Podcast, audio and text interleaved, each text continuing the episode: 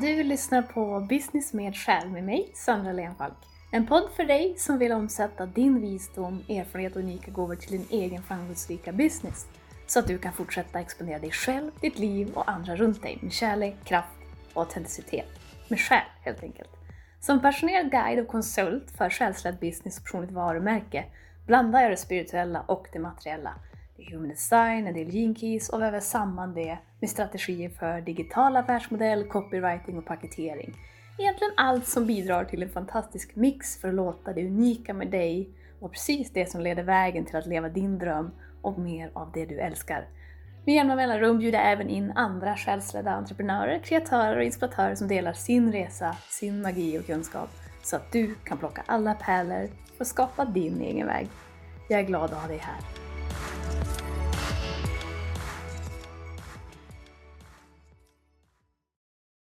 Hej, hej, hej, hjärtligt eh, hej och välkommen tillbaka till episod nummer två av Business med själ. Och låt mig börja med att försöka uttrycka värmen och kärleken jag känner för alla er som har delat, lyssnat, stöttat, nyfiket tagit in och hört av er om första episoden.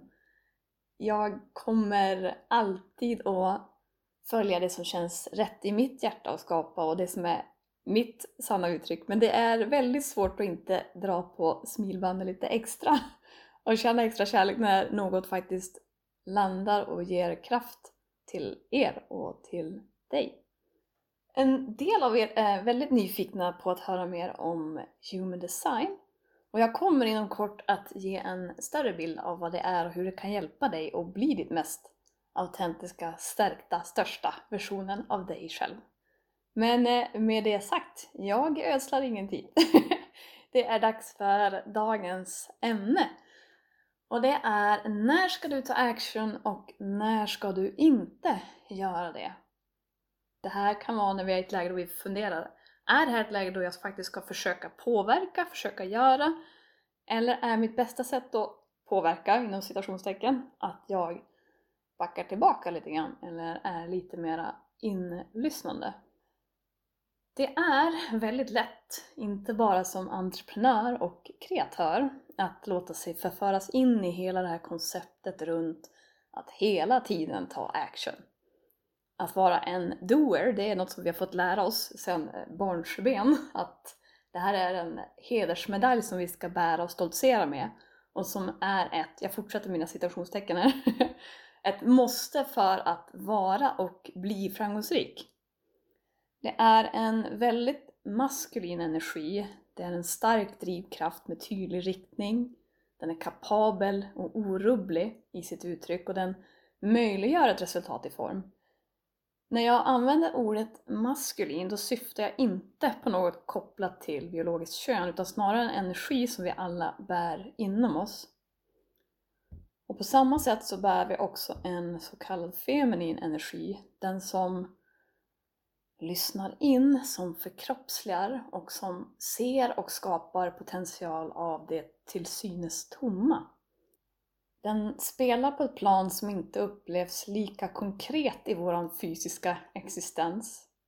Och det här är samma energi som genom historien har fått utstå mycket smärta, mycket många utmaningar och inte blivit premierad eller förstådd oavsett vem du är som uttrycker den här feminina energin. Så om du någonsin brottas med att vara produktiv, har svårt att känna dig tillräcklig, har en kropp som säger ifrån och en energi som kanske är ojämn eller resultat som uteblir, då kan det perspektiv som följer här nu vara en vändning på att du ifrågasätter dig själv. Att du kanske testar något nytt och att det sätter dig på en helt annan kurs. Ibland är det den där sista pusselbiten som verkligen betyder någonting och som sätter fart på någonting. Det sätter den tillbaka på rätt kurs. Och även om du har hört det här så är jag säker på att påminnelsen aldrig blir gammal. För kunskap blir visdom först när vi börjar leva informationen som vi tar in. Och det är min största intention att förse dig med tankar, koncept, verktyg, energi och idéer som stärker dig och som hjälper dig att forma ditt drömliv, där varje stund är din och där din vision kommer till liv och skapar positiva ringar på vattnet. Så! För att veta när du ska ta action och när du inte ska ta action, då finns det två saker att känna till och checka in med hos dig själv. Den första är action versus inspirerad action. Det är inte svårt att hålla sig sysselsatt idag, vill jag säga. Det är inte heller svårt att lägga energi på fel saker, då det onekligen känns väldigt stärkande och bra att vara någon som gör mycket. Och därför behöver vi skilja på att utföra och kvaliteten av vad vi utför och hur det adderar till den större bilden. Det vill säga din bild, dina mål, din vision, din sanning och dina drömmar. Inspirerad action, det adderar till din vision och vad som skapar värde på riktigt för dig. Och när du är i kontakt med din sanning, då brukar inspirerad action vara den naturliga följden. Drivkraften här kommer tydligt inifrån. Det här borde-känslan får stå åt sidan. Och inspirerad action det uppstår när du kan balansera och växla mellan att göra och att inte göra. Att vara i och med den här maskulina energin och den feminina energin. Att kunna lära känna när den ena blir dominant och när det är något som servar dig. Eller när dess dominans är utlöst från yttre påverkan, någon sorts press, rädsla eller oro. Och det är inte alltid vi vet om att det är en rädsla vi styrs av, men det känns olustigt någonstans. Och en bra ledtråd för att veta just om du gör något som egentligen inte är i linje med din sanning, som är action men inte inspirerad action, är just att det finns en tyngd i det hela som känns olustig, omotiverande eller kommer från den här platsen av jag borde. Den andra saken du behöver känna till och känna in för att veta när du ska ta action och när du inte ska det, det är att produktivitet det är ombytligt och det är inte konstant. Bara när du hör ordet produktivitet är jag rätt säker på att det går igång ett eh, tydligt associationståg hos dig om vad det är och vad det inte är. Och även med en hög medvetenhet så kan vi agera från de här undermedvetna kopplingarna om vad det är och vad vi bär med oss emotionellt sedan tidigare. Så när är du produktiv? Och när är du inte produktiv? I din egen bedömning så att säga. Och finns det något som dömer dig när du, inom citationstecken, inte är produktiv? Och vad handlar det om? Och du kan sitta med den frågan och märka vad som kommer upp. För under de senaste åren av min entreprenörsresa och den här inre resan har jag fått möta, ruska om, skala av omfamna vad produktivitet verkligen innebär. Och jag kan bara svara på vad det är för mig, men jag ser väldigt många, inklusive klienter, som brottas med att kunna känna lugn i perioder där det inte händer så mycket, eller det känns som att det inte händer så mycket. Det tas kanske inte så mycket tydlig action eller produceras någonting tydligt. Och att i det här läget inte låta det externa och den här upplevda passiviteten betyda någonting negativt eller nedbrytande om dig, din karaktär, din kapacitet och vad som faktiskt är möjligt. Det jag har lärt mig är att vad produktivt för mig just nu är, det är inte nödvändigtvis samma som igår. Inte som förra året eller vid ett liknande scenario. Och faran uppstår först när vi antar att produktivitet bara har en skepnad eller ett uttryck. Och när vi till exempel blir stressade av att sakta ner, pausa, byta riktning eller göra något helt annat än vad som står på våran att göra-lista. Det är faktiskt så att de mest produktiva stunderna i mitt liv, det har varit stunderna jag gjort motsatsen till vad min hjärna och mitt ego eldar på mig att göra. jag skrattar när jag tänker på vissa grejer. Jag kan ta ett exempel nu. Innan jag skulle spela in det här, då stod jag faktiskt och sjöng. Och det, för er som känner mig, det är inte något jag gör så ofta, men jag har märkt att det är ett bra sätt att frigöra min röst. Sen har det blivit väldigt kul också. Det hade inte jag, versionen av mig som började entreprenörsresan, tyckt var ett produktivt sätt att spela in en podd, tror jag. Nåväl. Jag har alltså haft gånger där jag gjort motsatsen. Det här var jag borde göra, men det har funnits ett tydligt motstånd där, eller att energin har saknats att göra någonting, även om jag har försökt pressa förbi den. Och som jag nämnde i förra episoden för dig som har lyssnat, din energi kommer först. Det är den absoluta grunden för allt annat. Produktivitet blir produktivt först när det finns en harmoni och en flexibilitet i vad den utgör för dig beroende på var du är och hur inlyssnad du kan bli till vad du verkligen behöver.